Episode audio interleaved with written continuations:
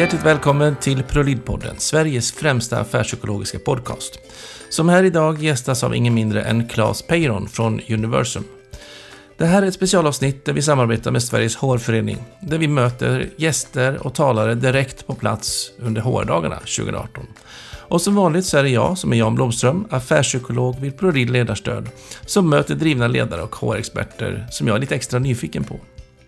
Men eh, här har jag lite förstärkning vid min sida i form av 2018 eh, års Magnus Söderström-stipendiat, Rickard Mårtensson, medgrundare och seniorkonsult vid Human Heart HR. Så nu hoppas jag att ni får ett riktigt inspirerande samtal tillsammans där vi möter Claes Peyron.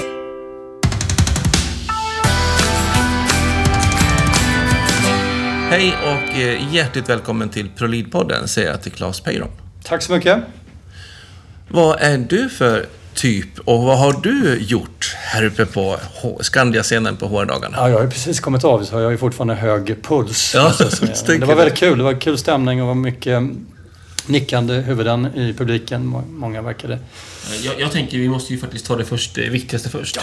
Vi har talat om en kebabdans på scenen, stämmer det? Ja, det var roligt. Vi var, var, var på ett eh, annat event förra veckan där vi lyckades dansa. Vi hade Karin da Silva som, som moderator då och hon lockade oss alla till en både gräsklippardans och eh, vattenspridardans och avslutades med kebabdansen, vilket jag nu då gjorde med Mark Levengood. Ja, det låter ju fantastiskt ja, Fruktansvärt roligt. Mark fick stå och snurra på scenen som en kebab medan jag så att säga sliceade honom. Wow! Ja, vad roligt. Ja. Finns det film på det här? Eller? Ja, ja kanske. Vi får hoppas på det. ja, nu, nu skickar vi in den. Vi ska gå tillbaka till, vad har du gjort på scenen då? Vad har du pratat om? Jag har pratat om eh, varför employer branding då, som jag jobbar med, Eh, är mer affärskritiskt nu än någonsin och sen har jag mm. försökt vara så tydlig som möjligt med kring hur man ska jobba på ett smartare sätt.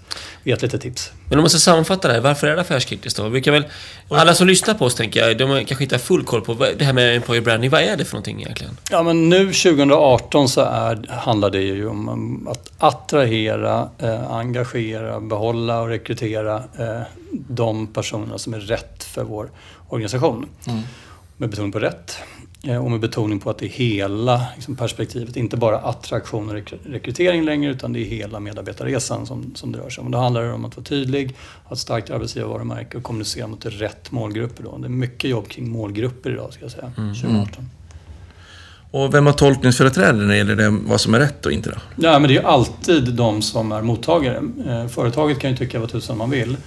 Eh, pratar du medarbetare eller pratar du själva arbetsgivarvarumärket? Jag tänker lite allmänt. Man pratar, det är så lätt om man ja, säger rätt, att det ska rätt vara rätt. medarbetare där får man vara lite krass, eh, skulle jag säga. Där, där får nog företaget vara de som har tolkningsföreträde. Det, så måste det nog vara. Det vill säga man tittar på, okay, men vad är det vi faktiskt behöver tre år framåt i tiden här nu för att nå våra affärsmål eller mm. organisatoriska verksamhetsmål. Ja.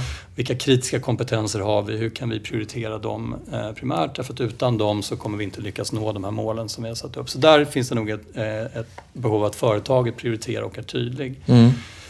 När det gäller hur man upplever ett arbetsgivarvarumärke eller medarbetarlöfte eh, så är det helt i händerna på de som är mottagare, det vill säga medarbetarna eller blivande medarbetare. Mm. Vi kan ha en tanke om hur vi vill bli uppfattade som arbetsgivare men i slutändan är det ju mottagaren som avgör. Mm. Mm. Och, och, och, vad är det som är viktigt nu då? Vad är det, när vi tittar på employer branding, vad, vad, vad vill människor ha? Men människor vill, vill, ha en tydlighet. Eh, därför att i en värld där valen är fler än någonsin. Mm.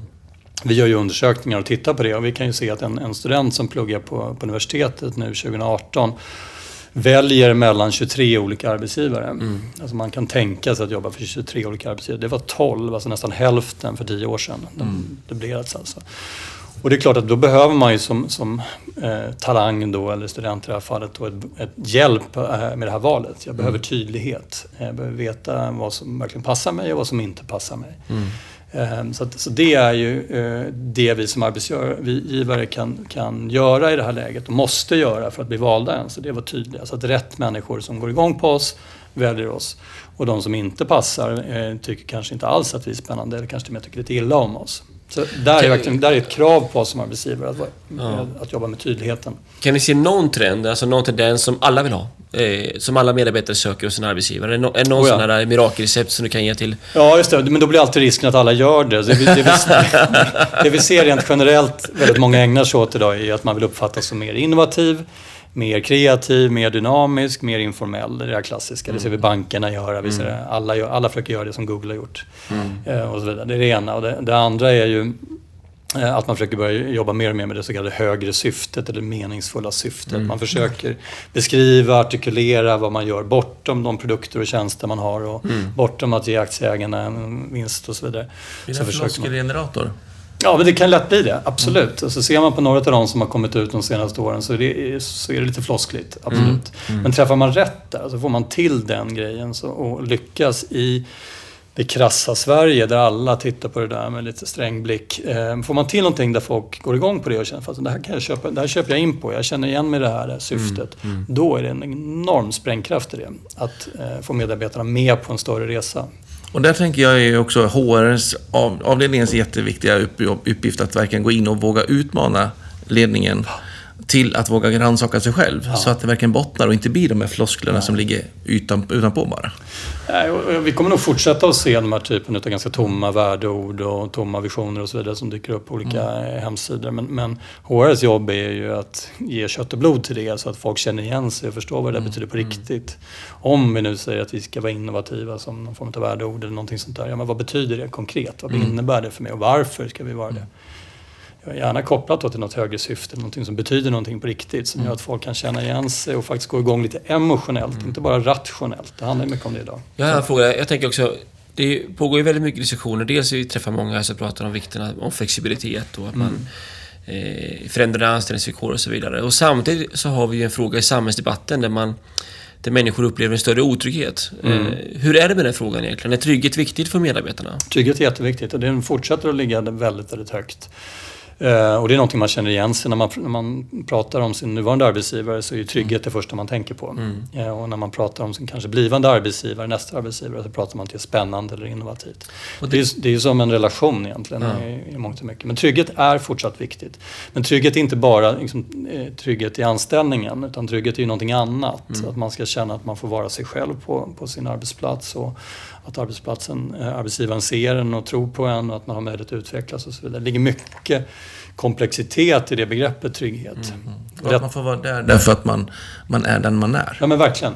verkligen. Så den arbetsgivare som kan lyckas med, med den miljön där man attraherar rätt medarbetare som, som går med på de värderingar och den kulturen som vi har och gillar den, som gör att de slappnar av och vågar vara sig själva. De kommer att släppa lös massor med kraft och få till den här innovationsgraden som man behöver som, som företag idag.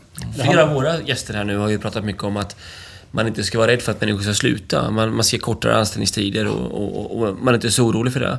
Eh, hur ser du på den frågan? Är det- Ja men verkligen, jag, jag, ut- utan tvekan. Jag, jag tror att man ska vara glad om man lyckas gå från en genomsnittlig anställningstid på um, 5,5 år till, till 6,5 år via olika initiativ. Då har man bara där nått jättemycket. Är Bara sluta drömma om någonting annat, utan det är verkligen där det ligger. Men det jag tror att det som är viktigt då i ett sånt, i ett sånt scenario är att man har en bra slutprocess eller en exitprocess som man snackar om idag. Det vill säga ett, ett väldigt bra sista tid för den här medarbetaren som ska lämna oss. Eh, Ett bra samtal på slutet och ett bra alumniprogram tror jag är jätteviktigt. Så att vi håller kontakt med den här personen sen då. Och, och, för då tror jag vi kommer se att man under sin 40-åriga karriär kanske kommer tillbaka till samma arbetsgivare tre, fyra gånger. Man, man jobbar, jag brukar tänka så att det, så länge det är win-win så, så jobbar man ju tillsammans.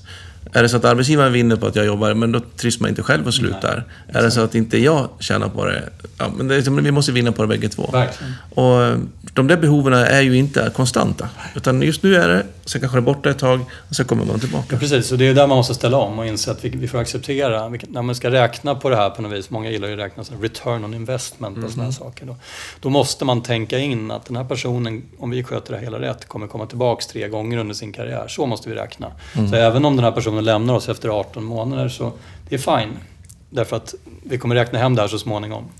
Personen kommer återvända. Personen kommer att återvända om vi ger en schysst sist- upplevelse på slutet. Och där tänker jag också lite om man har en tydlig vision eller tydlig bild på vad vi står för. Att vi kanske till och med som arbetsgivare uppmuntrar att sluta hos oss, gå ut, jobba, skaffa nya Absolut. erfarenheter för att komma tillbaks. Oh ja. För att vi har ett högre längre syfte även där. Det, det där tror jag är en jätteviktig fråga för inte minst den offentliga sektorn. Mm.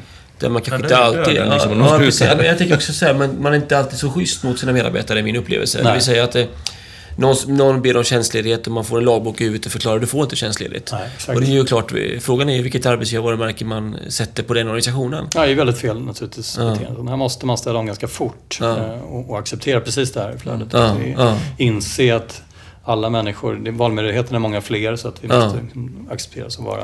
Så vill man vara attraktiv så måste man vara mer flexibel som arbetsgivare Verkligen, också. verkligen. Spännande. Mm. Hör ni det alla som lyssnar? Eh, har du några mer tips du vill skicka med till, till eh, företag generellt sett när det gäller HR? Och hur man ska fokusera på, på för att kunna bli framgångsrik och attrahera den, de eh, häftigaste och mest talangfulla medarbetarna?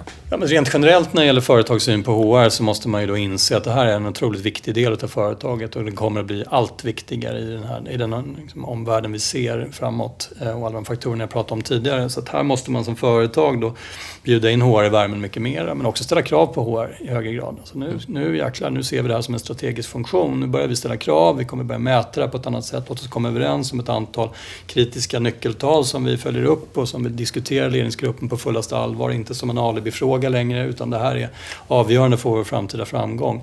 Eh, Så det är både kravställning och att bjuda in i värmen tycker jag är, är det man ska tänka på. Men det ställer ju nya krav på alla som jobbar inom HR då att kanske ta till sig lite nya sätt att tänka, sätt att resonera, förstå affären i högre grad. Mm. Spännande. Och verkligen utmana. Mm, verkligen. Eh, Jag tänkte på en liten annan sak. När man sitter där och ska då söka jobb och har 23 alternativ att söka, välja mellan. Ansvaret ligger i att arbetsgivaren ska vara tydligare. Om vi nu tänker oss ett scenariot att vi blir hemskt duktiga på att vara tydliga, vad vi förväntar oss och vad vi tycker är viktigt och så vidare. Eh, hur tänker du kring hur vi är att markera när folk avviker från det? Alltså att man faktiskt gör beteenden som inte är i linje med vad vi då har jobbat fram. Nu kommer en psykologisk fråga. Ja, men jag tänker på det här. Det är intressant. För vi, någonstans så... så nej, men någonstans så är det... En del av tydligheten är ju att beskriva det här är vår kultur och det här är de beteendena som vi, som vi uppmuntrar. Det här Och då tycker säger jag, ja, det vill jag jobba. Ja, det vill du göra. Mm. Sen så kommer du in och så gör du tvärt emot. Ja, Ja, vad vad gör vi som arbetsgivare då? Ja, men här måste vi vara tydliga tycker jag. Ja, Och det tror jag många, vi är väldigt snälla generellt sett i Sverige där vi kanske inte alltid tar tag i det där fullt ut. Att, men jag tror att man kan inte bara lägga det hos HR utan här måste det vara ett generellt medarbetarskap då som är, som är viktigt att, att kollegorna tar tag i den här frågan.